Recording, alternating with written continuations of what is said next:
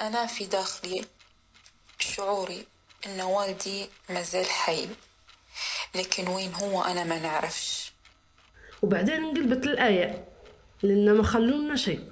أكبر مشكلة نحن فيها يعلم الله التعليم. الجامعة مسكرة لها تقريبا خمس سنوات.